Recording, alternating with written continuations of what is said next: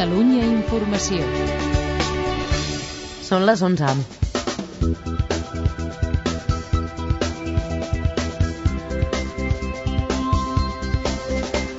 Els tipus d'interès a la zona euro baixen al 2,5%. El Banc Central Europeu els ha retallat tres quarts de punt per primera vegada a la història. La institució ho justifica per la gravetat de la crisi i el fet que la inflació està controlada.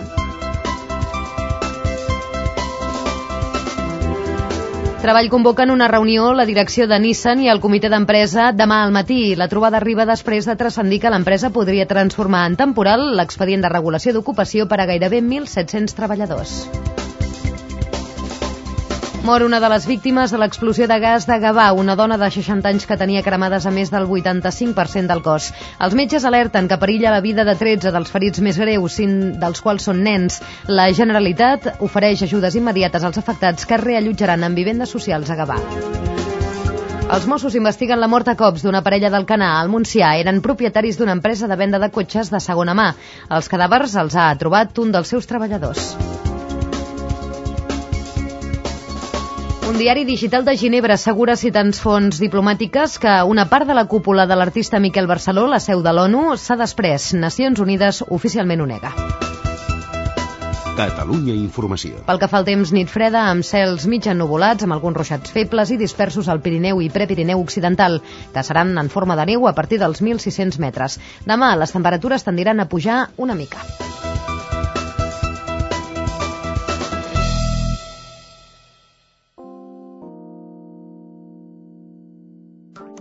Catalunya nit, amb Carme Clèries. Bona nit, són les 11 i 2 minuts. Consideramos esta muerte inútil, que solamente ha producido dolor en todos los ámbitos, destrozando toda una familia y toda una empresa. Mantendremos en nuestro... Comencem el Catalunya Nit de Catalunya Informació resseguint un dia més la geografia basca. Aquesta tarda s'ha obert al públic la capella ardent de l'última víctima teta, l'empresari Ignacio Uria, a la localitat d'Azpeitia. Hores abans l'han visitat el president del govern espanyol i el cap de l'oposició. És una de les imatges que ens deixa el dia i cobre un parèntesi per la unitat. José Luis Rodríguez Zapatero i Mariano Rajoy han compartit fins i tot vol tant per anar com per tornar d'Azpeitia. Mentrestant, l'ofensiva contra NB s'incrementa, el PNB anuncia una moció de censura contra l'alcalde d'Azpeitia, membre d'aquesta formació il·legalitzada, i demana el suport d'Euskal Cartasuna. Des de Madrid, tant el PSOE com el PP com la patronal basca com la patronal espanyola, volíem dir, volen la dissolució dels ajuntaments governats per ANB. Un intent que hem de recordar que no va sortir bé en el cas de l'Ajuntament d'Arrasate. Una nit més tema principal del dia, el mateix dia en què el CIS ha fet públiques dades sobre què pensen els ciutadans de la Constitució que demà passat compleix 30 anys. I el PSC que avui ha presentat la seva alternativa a la Casa Gran de Convergència i Unió. Al mig quart parlarem també amb el nou president del PP de Barcelona, Antoni Bosch, i a la tertúlia conversarem amb els periodistes Lluís Mauri i Enric Riembau. Abans de dos quarts de dotze, com sempre, però, arribaran als esports. Avui comencem amb bàsquet. Jordi Castanyeda, bona nit. Hola, bona nit. Sí, comencem amb resultats de l'Eurolliga. Enric el Barça 91, Nancy francès 68 i Olímpia de Ljubljana 65, DKB Joventut 86. En aquest partit ha reaparegut Ricky Rubio després de 3 mesos de no jugar el ciclista. Lance Armstrong admet que encara no sap en quin estat de forma arribarà al Tour de França i, per tant, diu que si ha de treballar com a número 2 d'Alberto Contador, ho farà. I un apunt de futbol perquè Barça i Espanyol recuperen lesionats el Barça Vidal i l'Espanyol Nico Pareja. I ja sabeu que ens podeu fer arribar els vostres correus a l'adreça del programa catalunyanit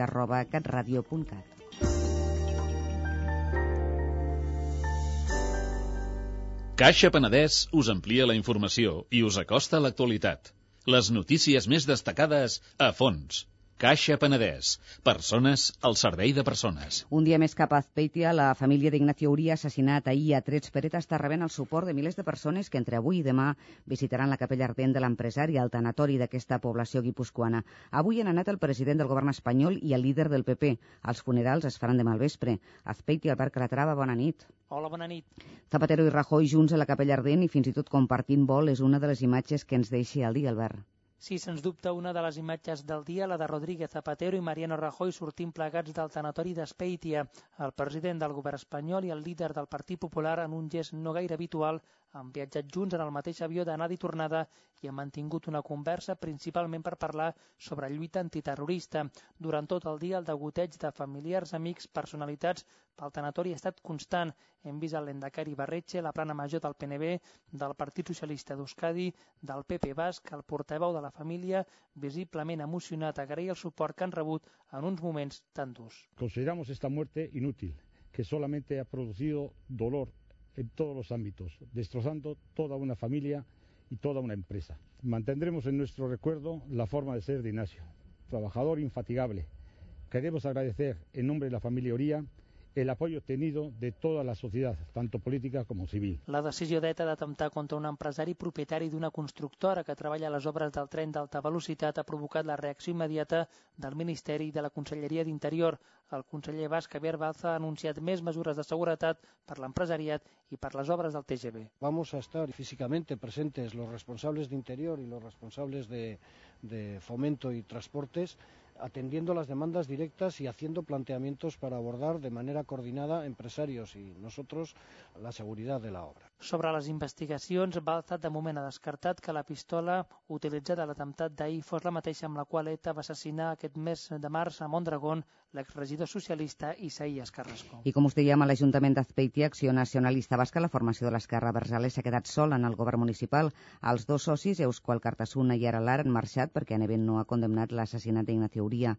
El Partit Nacionalista Basc presentarà una moció de censura contra l'alcalde, però perquè la moció prosperi almenys, un regidor d'Euskal Cartasuna hauria de votar-hi a favor. Azpeitia de nou, Dani Gómez, bona nit. Hola, bona nit. La picabaralla entre Euskal Cartasuna i el PNB arriba a pocs mesos de les eleccions autonòmiques a Euskadi, Dani. Sí, la crisi política que ha provocat l'atemptat d'ETA a l'Ajuntament d'Espeitia amenaça amb agreujar encara més el malestar existent entre els dos partits, des que Euskal Cartasuna va anunciar fa setmanes que no reeditava la coalició electoral amb el PNB i que es presentaria en solitari als comicis autonòmics previstos per la primavera de l'any que ve. El líder del PNB, Iñigo Urcullo, ha afegit una mica més de pressió assegurant que la moció de censura contra l'alcalde de l'Esquerra Bertzale només prosperarà si obté el suport d'Euskal Cartasuna. No es el Partido Nacionalista Vasco el problema siendo que es necesario tener mayoría absoluta. Nosotros tenemos ocho, nos falta un voto para poder presentar la moción de censura. Hablaremos con Euskal Cartasuna y hablaremos con Aralar. Des d'Euskal Cartasuna, Noai Cierreta no rebutja la iniciativa del PNB, però recorda casos anteriors que han acabat en fracàs. Nosotros no nos corresponde dar esos movimientos, ¿no? La veremos ahí si el Partido Nacionalista Vasco considera conveniente plantear una moción de censura y, con, y tiene respaldo para plantearla. Bueno, pues a partir de ahora se abre otro escenario en el cual habrá que hablar, ¿no? Pero también está ahí el ejemplo de Arrasate, pues en el cual tampoco fue luego posible formalizar esa moción de censura. Ciarreta es referia al cas d'Arrasate perquè quan ETA va assassinar el mes de març a l'exregidor socialista Isaías Carrasco, el PSE va intentar desbancar de l'alcaldia a ANB, però sense èxit. Al marge de picabralles polítiques, al carrer, centenars de veïns d'Espeitia s'han concentrat en silenci davant l'Ajuntament. Ha presidit la protesta el l'Endacari Barretxa, acompanyat per familiars de la víctima. També hi han assistit dirigents de la patronal Confebasc i els líders de tots els partits bascos, menys de la il·legalitzada ANB. A Madrid, el Partit Popular i la patronal COE reclamen que s'expulsi immediatament Acció Nacionalista Basca dels ajuntaments. El grup socialista assegura que el govern espanyol explorarà totes les vies legals per aconseguir-ho, un debat que s'ha reobert al mateix temps que tots els grups polítics del Congrés aprovaven un text conjunt de condemna de l'últim atemptat d'ETA. Madrid, Joan Rossinyol, bona nit. Hola, bona nit. A primera hora del matí, Mariano Rajoy recordava que un cop més ANB s'ha negat a condemnar un atemptat i ha afirmat que ha arribat el moment de dissoldre aquells ajuntaments on governa la formació independentista. Estoy seguro de que ETA pronto saldrá de los ayuntamientos. Pediremos una vez más la disolución de los ayuntamientos donde gobierna la organización terrorista ETA. Una opinió que comparteix el president de la COE, Gerardo Díaz Ferran. Como hay una fuerza política, ANV, en Azpeitia, el ayuntamiento, que no ha condenado el atentado, pues que todos ellos se comprometan a desalojar de los ayuntamientos a esa fuerza política que no condena los atentados y que además está ilegalizada. Poc després, els populars han registrat una proposició no de llei que defensa la dissolució d'aquests ajuntaments, també demanant que es prenguin mesures perquè ANB no gestioni els diners del pla anticrisi aprovat pel govern central i que van destinats al món local. El PP calcula que l'import destinat als 43 municipis governats pels Abersales superaria els 24 milions d'euros. Des del PSOE, José Antonio Alonso no ha valorat el fons de la iniciativa del PP, però admetia que cal apartar ANB de la vida política.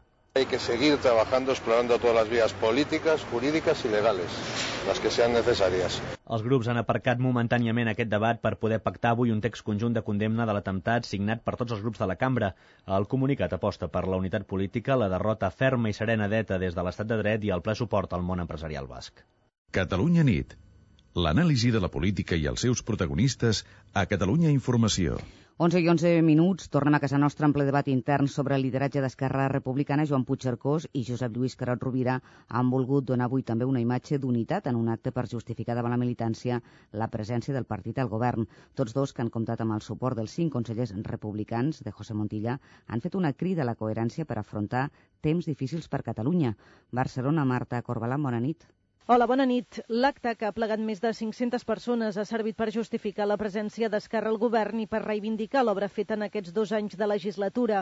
El president dels republicans, Joan Puigcercós, ha demanat al partit valentia i responsabilitat per avançar cap a la construcció d'un estat propi des del govern. Però no tenim cap altra solució que ser valents i assumir el vaixell, a on ens porti, i sobretot intentar-lo comandar nosaltres. Volem comandar a casa nostra, que diuen els companys de Mallorca. Volem comandar aquesta nau. No ens podem quedar a port amb una postura resistencialista. El màxim dirigent dels republicans al govern, Josep Lluís Carot Rovira, ha definit Esquerra com el motor de canvi de la política catalana i ha estat clar davant d'una hipotètica retallada de l'Estatut. I quan el poble de Catalunya parla, ha de callar tothom, inclosos 12 magistrats que no representen en absolut la nostra voluntat democràtica. Davant d'una sentència adversa, haurem de tornar a donar la veu al nostre poble i trobarem la fórmula perquè Catalunya i els seus representants parlem. D'aquest acte n'ha sortit també una fotografia, la de Puigcercós i Carot junts, en un moment en què tots dos semblen disposats a presentar batalla en el debat per qui ha de ser el futur candidat d'Esquerra a les pròximes eleccions catalanes. Acte també avui del PSC que rellança el seu projecte alternatiu a la Casa Gran del catalanisme de Convergència Democràtica. Han presentat els treballs de la plataforma Conferència Oberta creada al Congrés del juliol passat. El cap visible Raimon Obiols assegura que, a diferència de la Casa Gran, la seva proposta no té motivacions electorals. Joan Tries, bona nit. Hola, bona nit. Obiols troba petulant la fórmula de refundar el catalanisme que busca el projecte de la Casa Gran. Entén que, vista la crisi de la política i de valors actual, els dos partits grans han encertat en la necessitat de repensar el catalanisme com a motor polític del país. Ara bé, el responsable socialista retreu a Mas que tot el seu projecte es limiti a un muntatge electoralista. La conferència oberta té un valor afegit perquè no tindrà la logística aparatista i preelectoral que té eh, la celebració de, de, de grans misses de 12 al Palau Sant Jordi protagonitzades pel senyor Artur Mas. Ara el PSC tutelarà el projecte de debat amb els agents aliens al partit, que fins ara Obiols anava fent més o menys per lliure. S'acaba, doncs, l'espai anomenat Convenció pel Futur, liderat fins ara pel mateix Obiols, amb conclusions molt obamistes, vist l'èxit del futur president nord-americà. Fins i tot algun dels ponents, en la clausura d'avui, ha parlat de feudalisme democràtic per definir el sistema de llistes electorals actual i reivindicar alhora candidatures obertes. Més de la meitat dels espanyols creuen que cal reformar la Constitució, segons revela el baròmetre del mes de novembre del Centre d'Investigacions Sociològiques. Fa dos anys el CIS va preguntar el mateix i el percentatge de persones favorables als canvis es va quedar en el 45%. Cal situar els resultats de l'última enquesta en el marc del 30 aniversari de la Carta Magna que se celebra demà passat, Eva Godàs. També podem tenir en compte que José Luis Rodríguez Zapatero va posar sobre la taula, recordem-ho, la reforma quan va arribar a la Moncloa. Les seves prioritats passaven per convertir el Senat en una autèntica cambra territorial i per aconseguir la igualtat entre l'home i la dona en l'accés a la corona espanyola. Els canvis han quedat aparcats, però el CIS evidencia que el debat no està fora de lloc i els ciutadans tenen clar que si alguna cosa ha de canviar de la llei principal de l'Estat és tot allò relacionat amb la justícia. És la institució que ha obtingut menys confiança. Gairebé un 90% dels encastats creuen que funciona entre regular i malament. Els encastats també defensen una actualització general del text i que revisi l'estat de les autonomies. Són gairebé un quart de dotze de la nit. Geni de la llàntia meravellosa. Doctor, no sé què li passa. Vull un televisor. Pidola i pidola. Un ordinador. Tot el dia frega targetes de color verd. Unes vacances fantàstiques. I no és el primer. Unes maletes. És greu, què ets de fer? Comprar amb les targetes Visa de Caixa Penedès podrà pagar quan vulgui i, a més, guanyarà regals. Joan, sortir va comprar. Targetes Visa de Caixa Penedès. Genials. Caixa Penedès. Persones al servei de persones.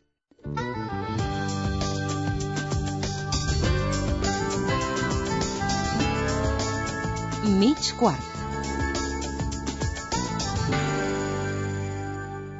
Avui parlem amb Antoni Bosch, president del Partit Popular de Barcelona. Senyor Bosch, bona nit. Bona nit.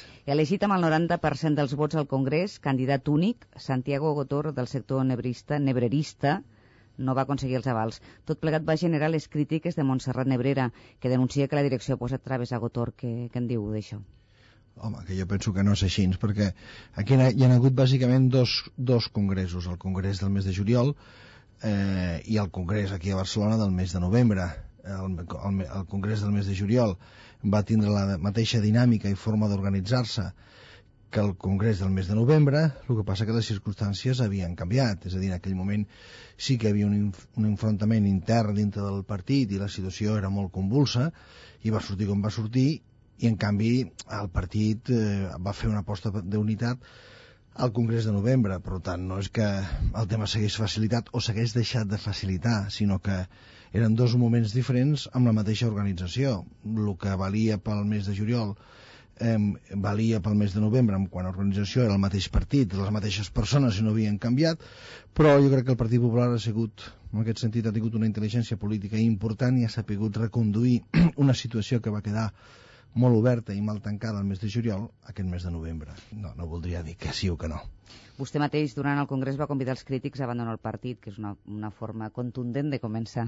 No, no, no, no va ser exactament així. El que jo vaig dir, literalment, va ser que aquest partit, el Partit Popular de Catalunya, té les portes, unes portes grans i obertes perquè tot el món pugui entrar, i també té les mateixes mm, portes grans i obertes perquè tothom, si vol, pot sortir i el qui no està a gust en un lloc el que té que fer és prendre les decisions oportunes. Això no, no vol dir res, però si realment una persona està a disgust en un lloc, el més lògic és anar-se'n. Eh? Ara, si estan, si estan a disgust, volen estar a gust, o si les meves portes del despatx estan sempre obertes, perquè ens interessa sumar i no restar. Ara, si un realment no està a gust, Pues Vostè és molt diplomàtic, un bon polític i, i notari, a més a més, sí. però um, aquest és un missatge per Montserrat Nebrera, no? No, no ho dic exactament per Montserrat Nevera, sinó que el missatge va adreçat a tothom. Uh, amb una organització política com el Partit Popular necessitem que la gent remi amb la mateixa direcció. Si un realment està empenyat en, en, en fer pues, una guerra interna i, i realment arribes un moment que tu mateix no estàs a gust perquè comences a qüestionar el paper del president, de la presidenta, de la democràcia i tal, doncs potser t'has de fer un plantejament, potser que no és el teu partit. Però no és un tema adreçat a Montserrat Nebrera, és una persona que té una trajectòria personal i política que és la que té i, i ella veurà el que ha de fer, eh? o sigui, però en fi, les coses han anat com han anat, o sigui que l'efecte Nebrera li ha passat com l'efecte Bradley, no? que al final, evidentment, hi han efectes diferents de lo que podies pensar-se en un moment, no? Tots teníem molt clar el que va passar el mes de juliol eh, i algú no ho tenia clar. Al mes de novembre es va ratificar que el partit tenia una ànsia d'unitat important. Encara segueix tenint aquesta ànsia d'unitat i tothom és benvingut però que és un problema, com sempre, de sentir-se a gust, i tu no estàs a gust en un lloc que que fer marxar-te. Diu encara la, la seva companya, almenys avui per avui, que els germans Fernández Díaz són els que dirigeixen el partit en realitat i, i diu, a més, que continuarà sent així. Això, això no és cert. O sigui, perquè que l'Alberto Fernández mm, porta al partit molts anys, que és el, el, el president del grup municipal al Parlament de, de, a l'Ajuntament de Barcelona, que el Jorge Fernández, que és el seu germà, està integrat i és el vicepresident del Congrés.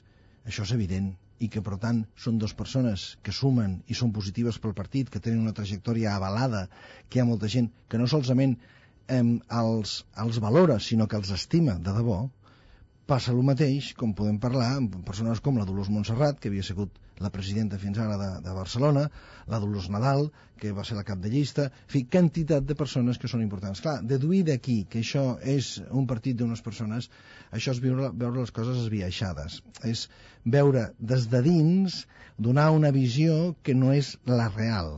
Perquè jo, per exemple, no pertany a ningú per la meva trajectòria professional i pels molts llargs anys que porto al partit, ni pertany a ningú ni vull pertany a ningú, sóc independent, però tenim un projecte. Jo crec i sento que el projecte de l'Alicia Sánchez Camacho i el projecte de Mariano Rajoy és un projecte molt interessant pel PP, un projecte de dreta, però d'una dreta que està centrada, moderada, d'una dreta europea, que pot agradar molt a Catalunya. Clar, llavors pensar que aquest projecte el té algú és senzillament una contradicció. No és cert. Anava a dir-li que un sector del partit eh, critica el seu perfil, el de vostè per ser massa conservador, tot i que ara vostè m'està parlant d'un d'una posició molt moderada i centrista, no? la que És que projecten un- eh, els que dos líders. Ser, és que un pot ser conservador i pot ser moderat. No té que veure res. És a dir, les opinions que tinguis tu sobre la forma d'enfocar la societat, les relacions econòmiques, les relacions personals, les lleis, poden ser conservadores, perquè el conservadorisme és un gran baúl que té la dreta i on hi ha coses magnífiques que han fet funcionar aquesta societat molt bé, però l'altra cosa és que això es pugui imposar o un sigui radical o tingui que insultar la gent, això és diferent. És a dir, les idees de la dreta són moderades en el sentit que són suggerides a la societat, perquè la societat, si li sembla bé, les apoyi amb els programes i ens voti.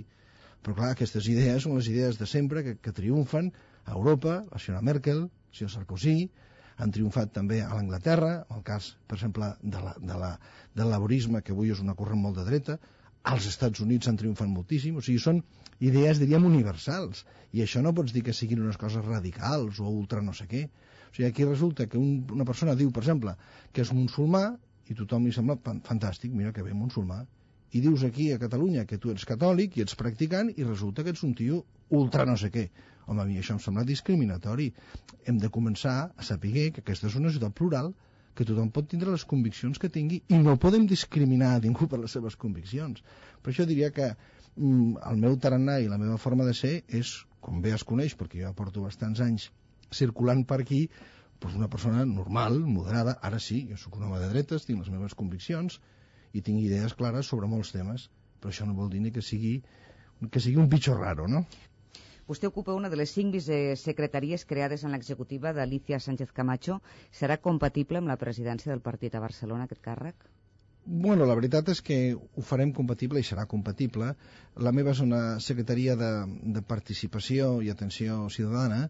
Aleshores, aquesta vicesecretaria jo també he fet un equip darrere d'ella, eh, molt enfocat en temes sectorials i he creat en el meu executiu una secretaria de família, he creat una secretaria executiva d'immigració que d'alguna forma, que encara que estiguin a Barcelona, sí que les aprofitaré per poder potenciar aquesta vessant de participació, de contacte amb la societat civil, que és la que està pensada aquesta vicesecretaria a Catalunya. És a dir, jo diria que és un tema més d'intel·ligència que dedicar-hi temps. No és un problema de dedicar-hi tantes hores, sinó com d'organitzar equips que puguin potenciar la vicesecretaria a Catalunya i dedicar-me jo també a tindre temps a la presidència de Barcelona. Es diu que hi haurà canvis en breu a l'executiva. Vostè en té coneixement? Potser Alicia Sánchez Camacho necessita una executiva més afí, es va fer molt a correcuita a la darrera, o... Primera Vostè notícia. què en sap? No en sap. No en sap res. No, no. I al Parlament, Daniel Cirera i Carina Mejías creu que duraran o haurien de buscar un altre lloc? Bueno, jo diria que aquí es compta amb tothom. O sigui, són, a part que són decisions, en tot cas, que es tindrien que prendre en el seu moment, però no, tampoc no tinc ni idea. Tant el Dani Cirera em sembla que compleix una magnífica funció com la portaveu nostra, jo no hi tinc res en contra. No? La impressió que dona Alicia Sánchez Camacho en relació a Daniel Cirera és una impressió subjectiva, naturalment, és que té una relació més amable amb la resta de líders de partits que la que potser pogués tenir Daniel Cirera. Eh, S'ha obert més la relació amb la resta de líders mm, polítics catalans, potser. Eh, bueno, és que també jo penso que el Daniel Cirera va estar molt poc temps de president i a més en un moment, pensem-ho, que hi havia unes eleccions pel mig. Ell va començar la presidència del partit al mes de juliol, o sigui, ens anàvem de vacances, a efectes pràctics, al mes de setembre de l'any 2007, i al març del 2008 venien les eleccions. És a dir, en aquell moment jo penso que no estaven tampoc massa per relacions. Jo no diria que, que és a dir, és la impressió de que era un moment diferent, era un moment diferent. Eh, el que sí veig és que l'Alicia Sánchez Camacho té bona relació amb, amb, amb tots els partits polítics. Jo penso que el fet de que sigui una dona, de fet és l'única dona líder avui a Catalunya, ajuda molt a les coses. Jo sóc dels que opinen que, que les dones tenen molt a dir i molt a fer en política, i més al Partit Popular. Eh, jo que de professió, com bé sap, i ho ha dit vostè, sóc notari i he sigut sempre jefe de lo meu, ara tinc una jefa i estic encantat de tindre la jefa que tinc perquè és molt competent i ho fa molt bé, i de fet la, la gent la valora molt, és, és, és cert. Vostè creu que s'hauria de fer un, un cert distanciament respecte a Madrid en qüestions concretes, em refereixo a l'Estatut o la llengua, qüestions que són molt sensibles aquí i que el discurs que es pugui fer a Madrid pot ser irritant, no?, en Catalunya. Mira, jo crec que aquest és un dels tòpics que tenim aquí a Catalunya que cal desmuntar. Nosaltres som un partit nacional, és a dir, tenim una executiva nacional per tot Espanya. I nosaltres som unes úniques sigles, encara que aquí ens diem Partit Popular de Catalunya. Per tant, el discurs és un discurs general. És a dir, si el, alguna vegada eh, es pot fer una matisació, sempre és bona, però jo penso que, que Gènova, en aquest cas, i Urgell, han d'anar sempre amb la mateixa sintonia. A mi no em molesta que, que la gent de Gènova o la gent d'Andalusia parli sobre Catalunya. Home, si ho fan d'una forma feridora em queixaré, no? Però jo crec que el, el discurs, és a dir, aquí a Catalunya es té que fer un discurs, el, el nostre discurs és un discurs nacional, que estima molt Catalunya, però que és un discurs nacional, i per tant aquí, com dèiem abans, no sobra ningú benvingut tota l'opinió, tot el que ens puguin ajudar de Madrid. Ojalà la col·laboració entre, entre Barcelona i Madrid fos tan estreta com la que avui en dia té el Partit Popular entre Urgell i Gènova. Ojalà, o sigui, realment es pintaria de manera diferent. El Partit Popular català ha posat en marxa una campanya a internet mm, no sé si vostè ho coneix, amb l'objectiu de reivindicar el dret a celebrar el 30 aniversari de la Constitució a Catalunya. Mm. Eh, la titulen Bicho Raro i sí. pretén normalitzar la imatge del partit a Catalunya. Per què creu que la presència del PP aquí és tan poc significativa? Perquè nosaltres hem sigut estigmatitzats de l'escena política. S'han creat una sèrie de tòpics, com per exemple que el Partit Popular, pel fet de ser un partit d'àmbit nacional, no defensa o no pot defensar els interessos de Catalunya, i això és fals. O sigui, pensar que un partit, pel fet de que tingui abast nacional, no pot defensar Catalunya, és senzillament una cosa falsa. Perquè mm, Pensi vostè, perquè nosaltres som també un partit europeu, perquè formem part del, del Partit Popular Europeu. No defensem a Catalunya els interessos d'Europa, és absurd. És a dir, que això és un dels tòpics que a base de repetir-se s'han anat dint. A vegades cert és que nosaltres també hem contribuït amb algunes declaracions desafortunades. Eh? Però a mi em sembla que el Partit Popular eh, té la gran tasca aquí a Catalunya de dir que hem de col·laborar tots amb aquesta Espanya i remar en la mateixa direcció perquè això, si no, perjudica a Catalunya. I ho veiem. Fa 25 anys Catalunya estava a 200 i la resta d'Espanya estava a 50 i ara Catalunya està a 100 i la resta d'Espanya molts ja ens han passat. Potser hem fet alguna malament. El Partit Popular amb aquesta visió global, el tot mai pot anar contra la part. Doncs, senyor Bosch, li desitjo molts èxits en aquesta nova etapa com a president del Partit Popular de Barcelona i segur que ens tornarem a veure. Moltes gràcies, Carme. Gràcies, bona nit. Bona nit.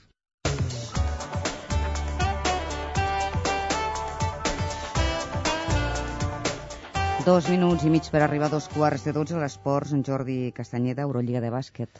Sí, mm, comencem eh, pel resultat de la penya, que continua remuntant posicions en el seu grup i, per tant, manté les opcions de passar ronda. Avui ha guanyat Olímpia de Ljubljana 65, de Cabell Joventut 86.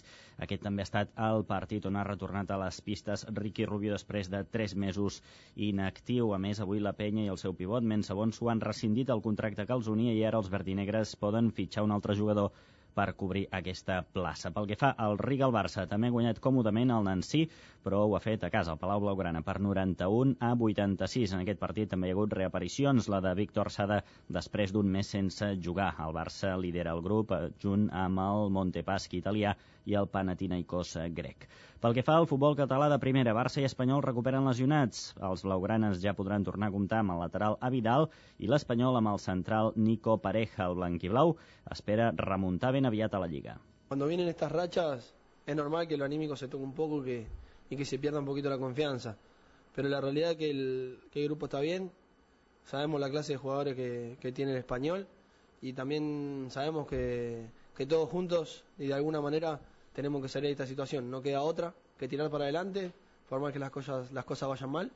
Así que nada, hay que meterse en la cabeza que hay que salir de esta situación y hay que tratar de hacer todo lo posible para que así sea.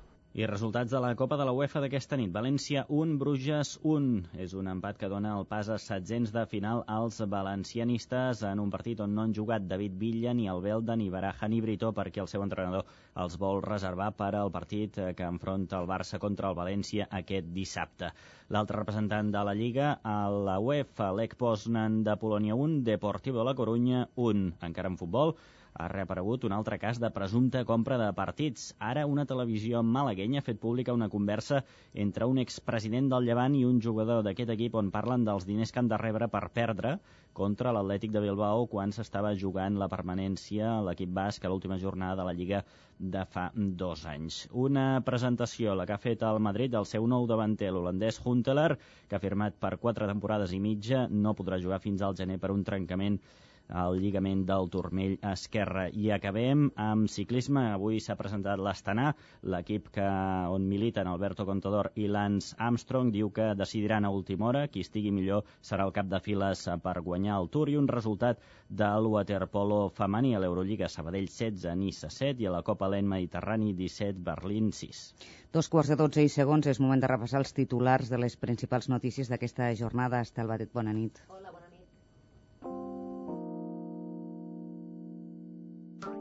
Catalunya nit, amb Carme Clèries. Rebaixa dràstica dels tipus d'interès davant de la caiguda de la inflació i les males previsions per l'any que ve. El BCE els ha retallat tres quarts de punt i fixa el preu del diner en el 2,5%. Zapatero i Rajoy escenifiquen la seva unitat contra el terrorisme en la visita conjunta que han fet els familiars de l'empresari que ETA va matar ahir a 13 a Azpeitia. Els funerals per Ignacio Uria es faran demà. L'Ajuntament de Gavà declara tres dies de dol per la primera víctima mortal de l'explosió de gas d'ahir. 13 dels ferits continuen en estat crític. Ara s'investiga si ja abans hi havia problemes amb l'aigua i el gas en aquest barri. I direcció i sindicats de Nissan es reuniran demà al Departament de Treball per estudiar si converteixen en temporal l'expedient de regulació que l'empresa va presentar per a 1.700 treballadors de les plantes de Barcelona i Montcada. Acabem amb el temps. Demà poden caure ruixats al Pirineu i al Prepirineu Occidental, que seran de neu a partir dels 1.600 metres. El vent de ponent farà pujar les temperatures.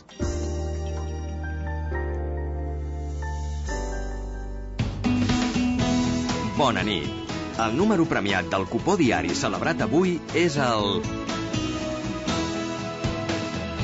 85.810 85810. Demà, com cada dia, hi haurà un venedor molt a prop teu que reparteix il·lusió. Bona nit i recorda que amb el sorteig de l'11 la il·lusió es compleix. Dos quarts de dotze i dos minuts, comencem amb la tertúlia que farem amb els periodistes Lluís Mauri i Enric Rimbau. Bona nit a tots dos. Hola, bona nit. Bona nit. Comencem, eh, si voleu, per eh, aquesta dissolució dels ajuntaments on governa ANB al País Basc, que és una cosa que demana el PP també al PSOE i la patronal espanyola. Um, a veure, uh, jo penso que aquest tipus de, de propostes um, així tan amb calent quan, quan el dolor encara és, és damunt de la taula d'aquesta manera tan, tan rellevant, no? Uh, no crec que siguin la, les, les millors vies per abordar aquest tipus, la, la solució el, o perseguir algun tipus de solució a un conflicte que fa molts anys que, que s'allarga. No? I en concret, eh, més enllà de, de la temperatura en què es puguin fer aquest tipus de propostes, jo sempre he pensat que, que il·legalitzar una formació política eh, no, no és la solució en cap, en cap cas no? de, de, de pretendre d'aconseguir qualsevol, qualsevol resultat polític que pugui eh, afavorir un procés de pau. No? De tota manera està il·legalitzada ja. Sí, sí, per això mateix. És a dir que eh, ja, ja comencem malament, no? La, la legislació que permet aquesta il·legalització també és una legislació ad hoc i, i, i que en, aquest tipus de legislacions normalment estan fetes a la necessitat. No? Legislar segons la necessitat del moment és perillós però a més a més, fins i tot estratègicament penso que tampoc és massa, massa intel·ligent pretendre pensar que s'ofegarà el conflicte mm, il·legalitzant, no? D'alguna manera estàs, estàs encara mm, violentant més, com a mínim, el, el, el, el context polític no? de, de, de tot l'embolic eh, que hi ha en aquest cas, no? en el cas del, del País Basc. I, per tant, il·legalitzar, dissoldre ajuntaments, és que són paraules molt majors i és un conflicte prou greu com per les poques vies democràtiques o les poques vies polítiques que puguin haver de, de, de les pocs ponts polítics eh, anar-los tallant, no? Jo crec de tota manera que la, eh, si, si, anem, si anem per parts, la, la llei de partits polítics que, que, va, que va propiciar la il·legalització d'ANB i, de, i de les seves predecessores formacions eh, i que va ser, eh, que va ser molt criticada en el seu moment, eh, per les, eh, pels dubtes i per les, i per les llagunes eh, veritablement democràtiques que, que oferia i ofereix.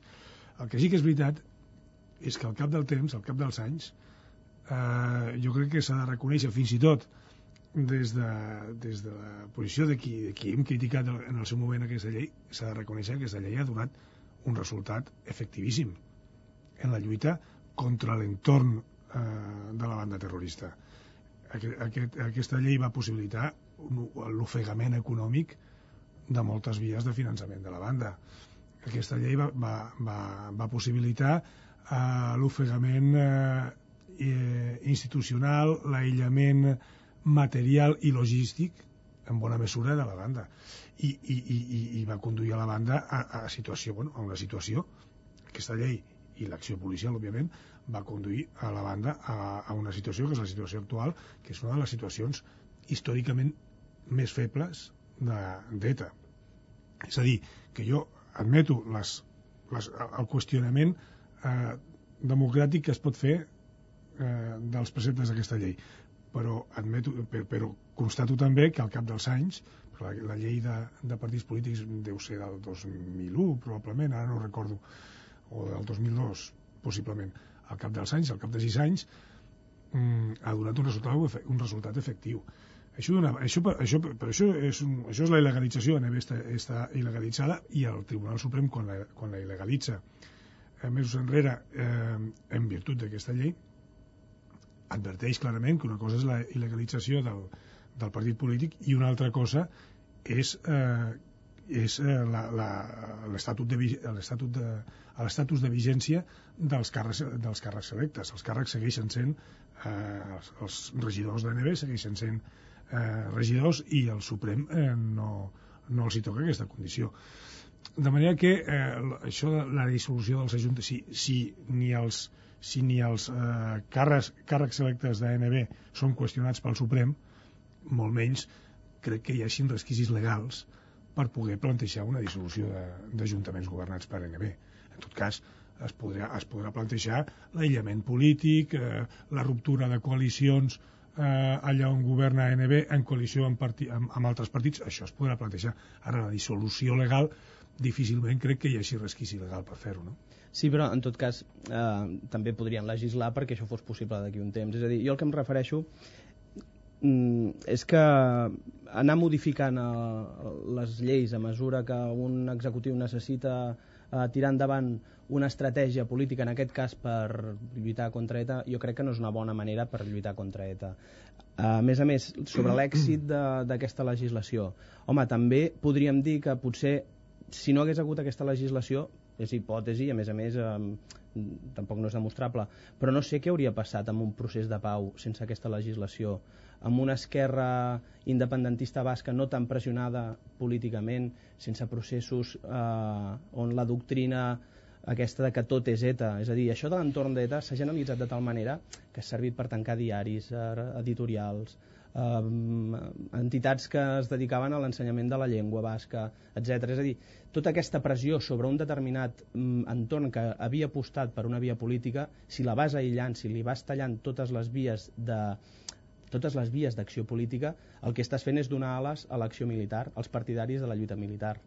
Amb la qual cosa no sé fins a quin punt, estratègicament, fins i tot des d'una perspectiva, diguéssim, de l'Estat, eh, és, és una bona opció aquesta. Però, sí, el que és que fer càlcul sobre el que hauria pogut passar, sí, és, no, però és, em refereixo és, a l'hora de fer el balanç, sí, de si la llei ha estat bona o no. És a dir, sempre, aquí tenim un procés de pau que sí. se'n van, se van anar orris i... Sí, com, que... com, altres, com altres processos de pau anteriorment, quan no hi havia la llei. Sí, és a dir, sí, sí. Jo, jo, jo sense haver estat mai un, un, un defensor de, de la llei, perquè, perquè abrigava i probablement abrigo aquestes mateixes eh, dubtes o prevencions sobre la qualitat democràtica de la llei, no puc deixar de reconèixer que hores d'ara, 6 anys o 5 o 7, no ho sé, no recordo exactament la, la data d'aprovació de la llei, de, 6 mm, anys després de l'aprovació la, de d'aquella llei, ETA avui es troba en la, en la pitjor situació històrica que ha estat mai, de feblesa eh, és que és única i exclusivament a conse com, conseqüència o fruit d'aquesta llei? Probablement no. Però ja et dic, mm, a mi em costa molt eh, fer supòsits que, què, hauria estat, què hauria passat si no bueno, mm, eh, si, la, si la, la, la part de, de, de l'esquerra versale que eh, aposta per, o ha apostat més clarament per les vies polítiques hauria estat en una condició més de força per imposar les seves tesis davant dels, eh, dels partidaris del, del terror directe. Potser sí o potser no, no ho sé. En altres processos de pau assajats anteriorment també amb nul èxit, òbviament, perquè eh, no hi havia aquesta llei en peu i tampoc, eh, tampoc ens vam en sortir, no? Els volia parlar també de la imatge de, de Mariano Rajoy i de José Luis Rodríguez Zapatero, que fins i tot han, han compartit avió per anar, per tornar. Segueixen una política de gestos? Creuen que realment s'acosten? O estan fent mm, això, política de gestos? En tot cas, és que és això, no? És a dir, quan és tot tan recent, com a mínim els gestos sí que els han de fer, no? Aquests gestos d'unitat és, és, és el, el mínim que se'ls pot, se pot exigir, no? Més enllà, després, una miqueta, tornant a, a, al que parlàvem abans, no? Més enllà d'això, després, el que se'ls ha d'exigir és que, que es faci tot el que es pugui per, per evitar, per exemple, és que fins i tot amb aquests èxits policials, aquest any quatre persones han estat assassinades, no? han estat mortes. I des del trencament de la treva penso que en són, no em voldria equivocar, eh? però diria que en són sis o... Vull dir que, que per tant no, no està resolt, és a dir, és, una, és un tema que és, és, sagnant no? i és un degoteig constant, no? I per tant, eh, bueno, a banda d'aquests gestos que, que avui se'ls ha de demanar doncs, d'unitat per respecte sobretot a, a, a les víctimes, eh, jo crec que després haurien de fer alguna cosa més que gestos. Sí? Jo crec que també que si, si aquest és un signe dels nous temps de la col·laboració entre govern i oposició o de l'encarament que fan govern i oposició eh, en el tema de la lluita antiterrorista, benvingut sia. Si és, el, si, si és el, quelcom més que, eh, que la foto d'avui, si és un signe de, de, de que realment eh, podem considerar oblidada eh, l'etapa de, de la legislatura anterior, anterior on eh, va ser una etapa eh, patètica a efectes de, de, de, la, de la tasca d'oposició. Jo crec que mai, mai, no la història d'Espanya, sinó la història d'Europa, de, de, mai una oposició havia eh, actuat com eh, l'oposició de l'anterior legislatura davant del govern en política terrorista. Mai, mai, ni, això no ha passat a Alemanya, no ha passat al Regne Unit, no ha passat enlloc, ni ha passat a, ni ha passat a Espanya en anteriors eh, etapes. Mai. En, en anteriors etapes, perdó, quan, quan, quan el, fins i tot en anteriors etapes quan, quan el PP estava a l'oposició o quan el PSOE estava a l'oposició. Mai cap oposició havia fet el paper tan lamentable i tan perjudicial en matèria antiterrorista que la que va fer el, el PP a la, a la legislatura 2004-2008. De, de tota manera, jo amb aquests gestos sóc també una mica pessimista de cara a pensar en això, que, que no tornin a passar aquest tipus de, de coses, no? I, i em fa l'efecte que estem en una situació com molt enquistada i, i que em recorda èpoques com que semblava que ja havien passat i que no haurien de tornar i, i bé, doncs amb, amb un ETA torna a atemptar eh, de fet aquest atemptat et, et situa en el món empresarial directe, és a dir que aquest tipus d'atemptats més indiscriminats que durant molt de temps havia fet ETA eh, i és clar mm, eh, aquests gestos d'unitat no sé si serviran de gaire cosa més doncs, d'anar com entomant el que vagi passant, no? Sembla. Si els sembla, venim cap a casa nostra i per parlar de dues coses. La conferència que han fet avui Esquerra Republicana, Puigcercós i Carot, per justificar d'alguna forma davant la militància els rèdits que els dona estar dins del govern, la crida a la mobilització si el Constitucional retalla l'Estatut que fa, que fa Josep Lluís Carot Rovira i també el que fa Puigcercó si l'1 de gener no tenim finançament. I per l'altra banda m'agradaria que em comentessin aquesta proposta del PSC, aquesta mena d'alternativa a la Casa Gran de, del catalanisme de Convergència i Unió. Per on comencem? Per, sí, no? per, per Esquerra? Per on... Comencem per Esquerra. Home, jo crec que, eh, que, que Carot i, i Puigcercós eh, havien de fer, necessitaven aquesta conferència, aquesta conferència conjunta després i aquesta foto conjunta davant de la seva militància després d'aquest reguitzell de conferències eh, individuals que, que han fet en els darrers, potser en els darrers, en el darrer mes i mig, no? Eh, està clar que eh, hores d'ara la pugna per la, per la candidatura electoral eh, per la capçalera del cartel electoral de les properes autonòmiques segueix oberta entre els dos en Puigcercós ha decidit que ja no esperarà mai, ja no esperarà més, perdó, i en Carot, mm, de moment, no, almenys que se sàpiga, mm, manté en peu la seva, la seva opció, mm. malgrat ser conscient de que mm, té una posició de feblesa orgànica dintre del partit. Bueno, diu que no de, llança mai la tovallola. Davant de, de Puigcercós.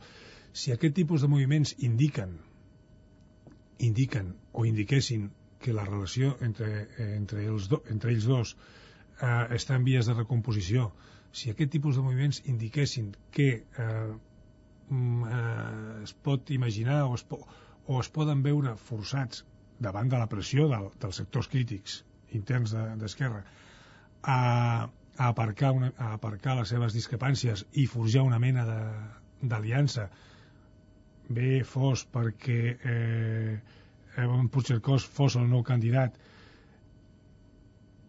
i, eh, i des de la seva posició de lideratge orgànic a més a més li garantís en Carot que seguiria sent un punt de referència principal dintre del partit a canvi del seu recolzament o com a mínim de la, de la seva no, no beligerància això podria ser o un altre pacte podria ser que, que en Puigcercós no seria la primera vegada que en Puigcercós decidís ajornar uns anys més o una tanda més la seva ambició a canvi de, de tenir garantit per, per part d'en Carot eh, un relleu tranquil. tranquil i plàcid i obligat al cap de dos anys. De, per exemple, si les, si les autonòmiques fossin el 2010, eh, doncs en el, en el, en el trànsit de la, de la segona legislatura eh, que encara apadrinés el relleu.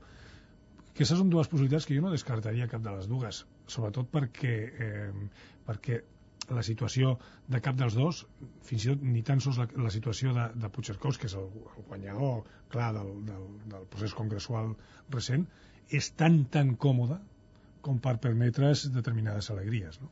Mm, jo, jo el, que, el que penso és que, que l'Esquerra ve d'un procés molt, molt intern, molt dur, en el que s'han erosionat molt tots els lideratges, no? fins i tot els dels sectors crítics és a dir, hi ha hagut tot el procés congressual, després, els, el, després del procés congressual d'àmbit eh, nacional, doncs els processos regionals, etc. No? Eh, I ha composat un mapa en el qual, sí, ha guanyat eh, Puigcercós, però tampoc no es pot desestimar alguns resultats que han obtingut els sectors crítics. Mm, Carot continua sent doncs, la primera figura de, de l'Esquerra Govern i per tant s'ha resolt d'alguna manera orgànicament l'estructura però no el tema del lideratge d'Esquerra, no? definitivament. Aleshores, en la situació que es troba Esquerra, en el, tant en la situació política en el govern com interna, diguéssim, sortint d'un procés congressual complex com el que ha hagut, jo crec que tant Carot com Puigcercós deuen ser conscients o haurien de ser conscients que una, un enfrontament, un altre enfrontament eh, eh, per ara, per, per liderar la candidatura a la presidència de la Generalitat o a la llista del Parlament de Catalunya evidentment no, no, no seria positiva per cap de les dues candidatures i, i jo crec que aquest, aquest acte d'avui va una mica en aquesta clau, no? intentar dir, mm, sobretot en clau molt interna, és, és un, l'acte d'avui anava molt destinat a la pròpia militància, de, de fer una miqueta d'encar una mica de files després de tots aquests processos, eh, explicar una mica doncs, el per què l'aposta d'un i l'altre continua sent l'estratègia que han mantingut d'ara del tripartit, i, i, i això, no? intentar doncs, um, posar una mica de cotó en tot aquest procés que ha hagut. No? Sota, sobre les hipòtesis que tu plantejaves són les, són les possibles, però la del, són, són, són realment hipòtesis possibles, no? però jo penso que ho té, hi, ha, hi ha una cosa que són els entorns de cada un dels candidats que poden dificultar, per exemple, el tema de posposar eh, el, debat, el debat successori d'Esquerra. No? És a dir, l'entorn de Puigcercós jo crec que té menys paciència sí. que el propi Puigcercós i l'entorn de Carot en alguns sectors doncs, té també menys paciència que la que pugui tenir el mateix Carot. Jo no? Per tant, en que, en que aquesta hipòtesi és la, la, la menys complicada, eh? és pot ser complicada aquesta. probable de les dues. No? Per tant, jo crec que requerirà, no sé, s'hauran de posar d'acord perquè si no tots dos prendran, prendran mal. Digui'm algo sobre, diguin-me algo sobre la plataforma Conferència Oberta, aquesta mena d'alternativa a la Casa Grande del catalanisme. Aviam, el PSC fa temps que estaven un sector del PSC impulsat, impulsat per, per els, el que se'n deia abans els sectors obiolistes, no? doncs que ara tot això seria molt relatiu, uh, ja fa temps que anaven, van impulsar doncs, tot un, un debat un debat en paral·lel no sense connexió, sinó en paral·lel amb el, amb el procés precongressual del PSC, eh, amb, amb tot un, unes conferències, etc. No? Aquest és un pas més, evidentment, doncs, de, de, de contraprogramació, per entendre'ns, el, el procés de la Casa Gran, sobretot quan el, procés, el, el projecte de la Casa Gran del catalanisme de Convergència comença a dibuixar-se com una plataforma política de, de suport electoral no? al, al candidat Artur Mas. Però justament Obiols diu que ells no van per aquesta banda. Aleshores, ell ja, el PSC ja té l'experiència d'aquest tipus de coses amb Ciutadans pel Canvi, suposo que no repeteix mm, episodis que ja han viscut, i ara doncs, eh, es plantegen aquesta refundació del catalanisme doncs, a, des de l'altre gran partit. Són, no? Jo crec que són moviments i moviments de vegades més tàctics que estratègics, no? encara, que, encara que, es, que es venguin eh, com a moviments de fons, moviments estratègics, i, i molt recurrents, no? i molt recurrents al llarg de la història. Tothom ha tingut el PSC, Ciutadans pel Canvi, la, eh, si tirem més enrere ens en recordarem als anys 80 la conferència d'homes i dones d'Esquerra, Uh -huh. eh, bueno, en fi, eh, bueno, són moviments, eh, d'altra banda, lògics i necessaris de, de qualsevol partit per tractar de d'eixamplar la seva base social i electoral, no? Mm, el fruit, de, resultat de tot això, mm, bueno, no sé si, si clar, com no, això no es podrà medir, eh, medir exactament eh, ni, ni, ni, ni calibrar quina és l'aportació d'aquests moviments eh, en els resultats electorals sempre és opinable, no? Però, o, per exemple, la Casa Gran, la, la Casa Gran de, de Mas fa un any, tot just ara, o un any i un mes, que va presentar el, el projecte en societat.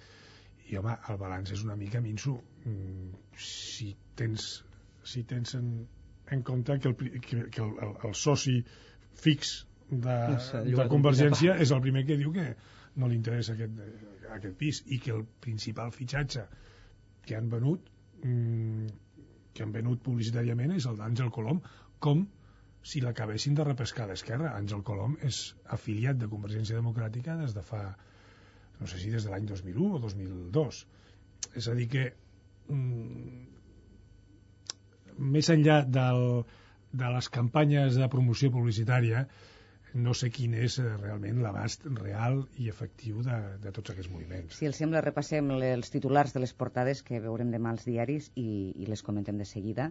Les repassem ara amb Eva Godàs. Eva, bona nit. Hola, bona nit, Carme. El gran titular del dia de demà torna a estar vinculat a la situació econòmica. Sí, ens fixem per començar en l'avantguàrdia, que ho destaca molt, tipus d'interès al 2,5%. A l'avui llegim retallada històrica dels tipus d'interès al país. La recessió força una històrica retallada dels tipus i també obre el tema al periòdico que parla de rebaixa rècord. A Públicos destaca també aquesta informació en un format diferent a la resta, Eva. Sí, apareix Jean-Claude Trichet, el president del Banc Central Europeu, amb un adhesiu que li tapa la boca, com els que serveixen per posar els preus, i apareix el 3,25 tatxat i un gran, en gran, en, en tipus molt gran, el 2,50%. El titular és grans rebaixes. L'últim atemptat d'ETA continua també en portada a la majoria de capçaleres. Sí, la imatge més repetida és la de José Luis Rodríguez Zapatero caminant amb Rubalcaba i Mariano Rajoy de costat. És la fotografia de la unitat contra el terrorisme a la majoria de portades. La Razón, en canvi, va a la seva i opta per una foto dels familiars d'Ignacio Uria plorant. I encara sobre l'atemptat pel que fa als titulars. A l'avantguàrdia hi llegim pressió al govern per dissoldre els ajuntaments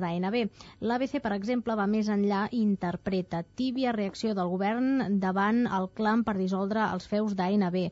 L'avui el país, titular similar, destacant que el PSOE rep pressions per treure ANB dels ajuntaments. L'explosió de Gavà continua també generant titulars als diaris de demà. A l'avantguàrdia hi llegim una gran bossa de gas es va acumular al sòtan de l'edifici de Gavà i el periòdico titula Els metges asseguren que mai havien vist cremades tan greus. A les planes de Catalunya el país es fa ressò de la primera víctima mortal del sinistre. També en parla l'edició de Barcelona del Punt. L'acte que s'ha fet eh, avui per la millora de l'educació promogut per ESADE té presència a les primeres planes, Eva? Uh, sí, a l'avui la societat civil en ple s'implica en la millora de l'educació i a l'avantguàrdia la societat civil s'agella el seu compromís amb l'educació, una cosa que acabem de veure per acabar a la portada del periòdico que diu que les autoritats immobilitzaran el cotxe dels conductors beguts fins que paguin la multa. I jo afegeixo una cosa, que és que un jutge ha sentenciat que l'anunci de la plataforma Pro Seleccions Esportives Catalanes, que es va emetre el 2006, Diu que incitava la discriminació entre els menors i fomentava conductes contràries a la convivència. La resolució també determina que l'espot era de caràcter polític i la sentència arriba just després que el PP i, i Ciutadans denunciessin el contingut d'aquest anunci. No sé si de tot plegat en volen fer algun comentari. Jo, jo d'aquest nou, sí, després, primer el, el tipus d'interès, que baixen els tipus d'interès i l'Euribor baixa molt poquet a poquet, i la gent que estem enganxats a hipoteques i que podrem disfrutar de la vida a partir dels 70 anys o dels 80 anys en amunt, eh, doncs no, no entenem aquest, aquest diferencial entre l'Euribor i el tipus d'interès tan gran. L'altra cosa, um, això, que aquesta, aquesta notícia que ara, que ara comentaves, mm.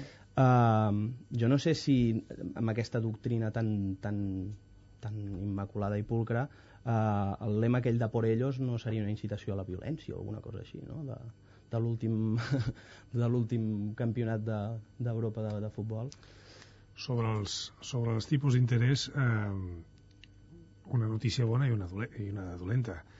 Una, una baixada rècord històrica diuen els titulars. Mm, rècord històrica però probablement molt per sota del que estan reclamant eh, empresaris, sindicats i fins i tot entitats financeres i del que es calcula que, eh, que acabarà arribant eh, els analistes calculen que al llarg de l'any 2009, a finals del 2009, podrien estar els tipus a la zona euro a l'1%, igual que ara estan als, als Estats Units. Però encara que baixessin fins a l'1% a finals del 2009, també diuen els analistes que aquesta, aquest diferencial que hi ha entre el, el tipus de la zona euro i l'Euribor, que comentaves abans, aquest diferencial s'anirà probablement mantenint durant tot l'any 2009 fins que no arribi el moment que les entitats financeres deixin de, ser, deixin de desconfiar les unes de les altres per prestar-se diners. Això és una desconfiança molt lucrativa, eh? Per sí, indubtablement, indubtablement, indubtablement. Saben que viatja al Japó el president de la Generalitat la setmana que ve, eh, José Montilla, per mirar d'arribar alguna mena d'acord amb, amb Nissan, no? Mm, s'entrevistarà amb la cúpula d'aquesta multinacional. Vostès creuen que servirà per alguna cosa? No ho sé, no ho sé. El que, el que sí que hauríem de, d'estar atents i sabíem com acaba demà la reunió, eh, la reunió de, de la direcció i el comitè d'empresa perquè si realment eh, hi ha un acord eh, per eh, canviar l'ERO que, que estava plantejat fins ara, que era d'acomiadament de, de 1.600, quasi 1.700 treballadors, i es, es substitueix aquest expedient per un altre que no parla d'acomiadaments, sinó que parla de eh, tons de baixes temporals de tres mesos rotatoris que afectaria molt, a molts més treballadors, afectaria probablement al doble, uns 3.000 treballadors, però ja no serien acomiadaments, sinó baixes temporals de tres mesos rotatòries i recuperables al llarg del 2009, és a dir, sense pèrdua de salaris. Si això eh, demà eh, acaba convertit en un, en un, en un acord entre empresa i comitè, serà una, serà una, una molt bona notícia seria una bona notícia. I sobre la reunió del, del president Montilla, home, ho han d'intentar tot el que puguin. El que és veritat és que amb les competències doncs, d'un doncs, govern autonòmic eh, anar a una multinacional japonesa, home, ho trobo atrevit, no? però bé, que, que ho facin i que, que s'intenti fer el que es pugui. No? Molt bé, doncs els agraïm molt que hagin estat aquí. Lluís Mauri i Enric Rimbau, gràcies per la vostra presència, els vostres comentaris i bona nit. Gràcies. Bona nit.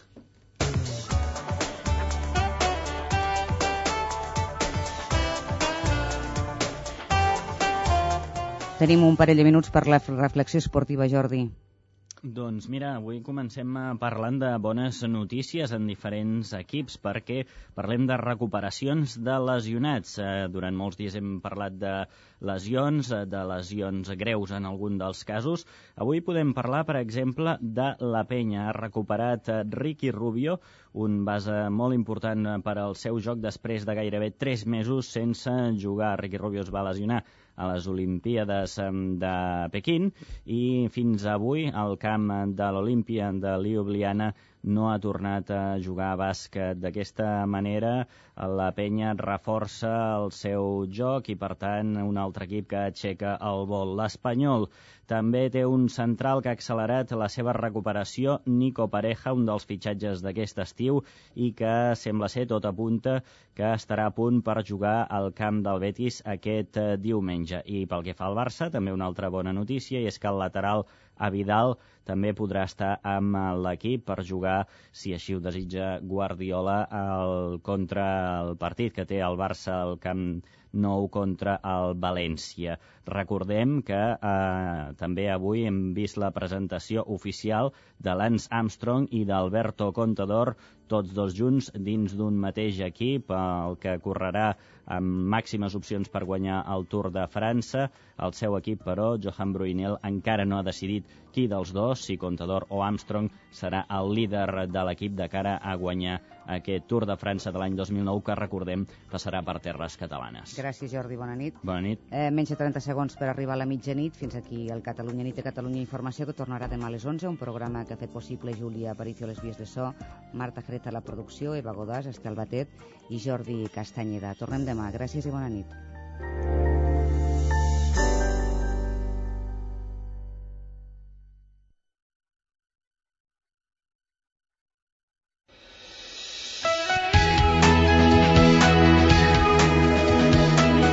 Catalunya Informació. Són les 12.